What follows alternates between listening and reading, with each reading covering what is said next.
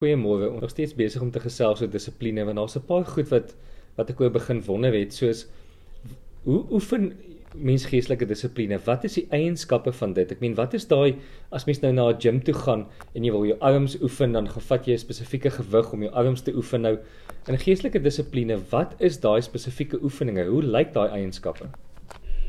Piet, ons het nou gepraat oor die woord. Jy moet tyd daar stel om die woord van God te leer ken. En ons het uh verlede keer gepraat oor om die God, woord van God te lees is nie genoeg nie, dis 'n twee gesprek. So jy lees die woord, maar wanneer jy dit terugbid vir die Here en baie keer vir die Here vergifnis vra omdat jy nie uh, uh daai is waar die woord sê jy moet wees nie en dan letterlik uh, dit in jou lewe inbid. Dis 'n groot deel van geestelike dissipline. Die woord van God om tyd te spandeer om die woord te leer ken.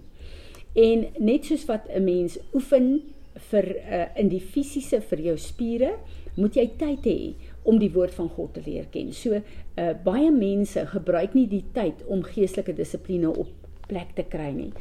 En een van die belangrike uh uh plekke van geestelike dissipline. As ons tyd by die Here spandeer, wat doen ons? Een van die dinge wat baie nagelaat word, is om vir die Here eer en en uh, eer te gee en vir die Here dankie te sê vir wat hy vir jou doen. Ons is so geneig om altyd net uh, te vra wat wat ons van die Here wil hê. Maar die Here sê in Psalm 100, "Enter my gates with thanksgiving and praise." So ons moet 'n uh, dankbare hart en danksegging met ons deel maak van ons geestelike dissipline. In uh, Tessalonisense 5 vers 18 staan daar: Give thanks in all circumstances, for this is the will of God in Christ Jesus for you. Dit is een van die dinge wat die Here van ons verwag en dit is so 'n belangrike 'n uh, 'n uh, prinsip van geestelike uh, dissipline om met 'n dankbare hart om die heeltyd te dink aan wat doen God vir jou en dan dankbaar te wees uh, vir dit en dit vir die Here te sê ook. Ek dink ons as vrouens ook uh, ons het baie keer um, ek noem 'n voorbeeld van myself. Uh, ek sal baie keer as ek uh, in die kombuis kom en ek sien die skottelgoedwasser was vir die Here sê, Here baie dankie vir die voorreg dat ons in hierdie era leef, dat ons hulp het, dat ons skottelgoedwassers het, vir die voorreg om dit te kan bekostig, dat ons al die seëninge wat wat die Here ons so mee toevou, dat ons dit as 'n danksegging na die Here toe bring om uh, vir hom te wys dat hy is ehm uh, uh, hy uh, hy is op 'n plek in ons lewe waar waar hy deel is van ons elke dag se lewe maar dat ons dankbaar is in hierdie geestelike uh, dissipline. 'n uh, 'n groot uh, deel van geestelike uh, uh, dissipline is gebed om tyd daar te stel om te bid. Daar's baie kinders van die Here wat net luister na boodskappe van ander wat uh sal lees, maar wat nie tyd in gebed spandeer nie. Spandeer tyd in gebed en uh Uh, Paulus sê dit so goed vir die gemeente in Tessalonisense in Tessalonisense 5 vers 17. Bid sonder ophou. Romeine 12 vers 12 sê rejoice in hope, be patient in tribulation, be constant in prayer. Filippense 4 vers 6 sê, "Do not be anxious about anything, but in everything by prayer and supplication with thanksgiving, let your request be made known by God." Hier sien ons dat thanksgiving wat ons nou net oor gepraat het, 'n groot gedeelte van gebed moet wees. So uh, as ons weet dat ons die dissipline van gebed in ons lewe het, dan kyk ons na hierdie skrif en dan uh, besef jy jy gaan nie angstig of bang wees nie. Vrees gaan nie deel van jou lewe wees as jy onder die dissipline van gebed is nie. Jou hoop uh en uh, wanneer jy in gedurende gebed is, gaan jy altyd rejoice. Jy gaan altyd blydskap en hoop hê. En dan ook wanneer jy in 'n tyd is waar waar daar regtig waar 'n toets in jou lewe is, waar omstandighede moeilike moeilik is, dan sal jy in daai omstandighede die vreugde van die Here hê want jy is onder die dissipline van die woord en jy weet dat die Here hierdie gaan gebruik om jou te vorm en dit gaan ten goeie meewerk volgens Romeine 8 vers 28.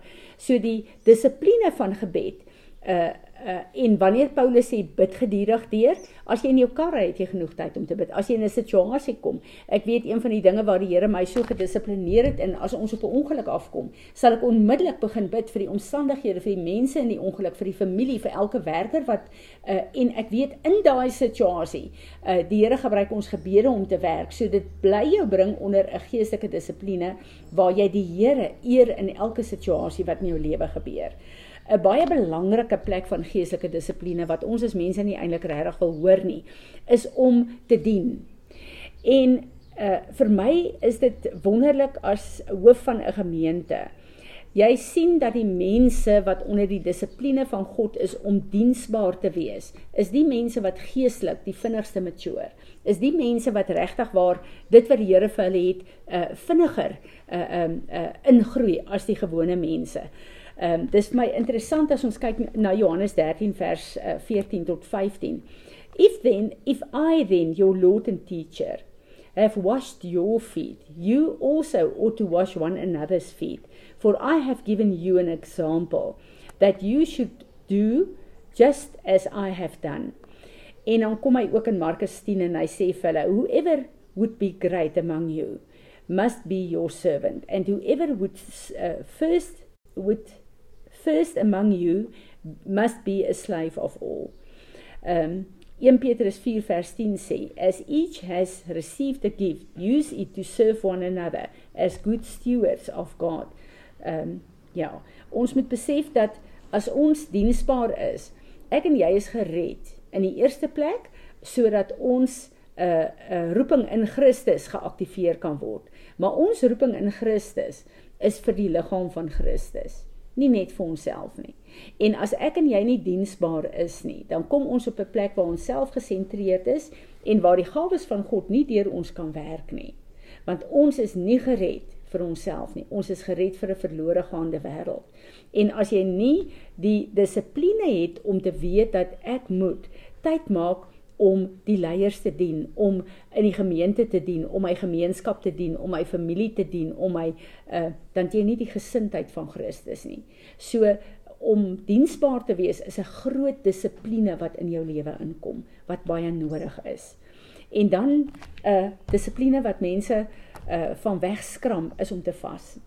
Vas gaan saam met gebed en Jesus het vir ons gesê dat uh, hy het nie gesê as jy vas nie. Hy het gesê but when you fast, Matteus 6 vers uh, 16 tot uh, 18. But when you fast, anoint your head and wash your face, uh, that your fasting may not be seen by others but by your father who is in the secret and your father who sees in the secret will reward you. Uh vas is 'n plek waar jy jou fisiese liggaam dissiplineer om hom weg te hou van alle kos af om vir jou fisiese liggaam te sê Ek uh bring hierdie offer om myself te onderwerp aan die woord en die plan van God vir my lewe. So soos wat ek honger is en my liggaam uitroep na kos en ek weier om toe te gee aan die die uh um uh, uitroep van my liggaam kom ek en ek plaas my op 'n plek waar ek sê Here ek doen dit sodat ek geestelik gedissiplineer kan wees om u stem meer en meer te hoor. En ek kom verklaar daarmee dat die fisiese wêreld se beheer oor my lê ek neer want ek wil u beheer wat geestelik is die prioriteit in my lewe maak. So hierdie is deel van geestelike dissipline wat kosbaar is in ons lewe So die oefeninge wat ons kan doen om geestelik gedissiplineerd te wees, is om 'n lewe van dankbaarheid te hê. Om tyd te maak om te lees, om tyd te maak om te bid en te vas en om 'n lewe van diensbaarheid te hê. Nou, ons het nou al oor keuses gesels en ek weet ons moet self kies om hierdie goeders te doen. Maar ek weet daar gaan mense wees wat ook soos ek dink, hierdie ding soos 'n berg vir jou lê, soos 'n 'n groot hap om jy weet om om te vat. Dis voel amper so om die kommers te gaan hardloop. Nou ek weet ons moet tree vir tree begin, maar kan ons 'n gebed hierdie ding doen dat ons die Here kan vashou om ons te help om elke tree elke dag uit te sit. Vader, u woord sê dat u is 'n lamp vir ons voete, nie 'n spotlight vir die toekoms nie.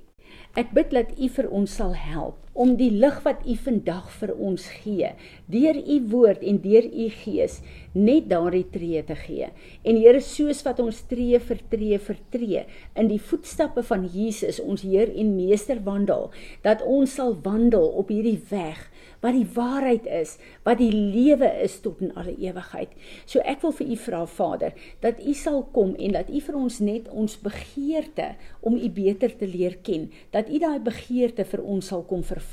En u sê in Matteus 5 geseënd is die wat begeer na die volheid van God. U sal dit in vervulling bring. So ons wil ver oggend kom Here, soos wat u woord vir ons sê in Jakobus, ons wil tot u nader in hierdie versoek.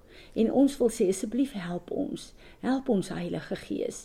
En dankie dat u woord sê as ons tot u nader, dan nader u in u volheid tot ons.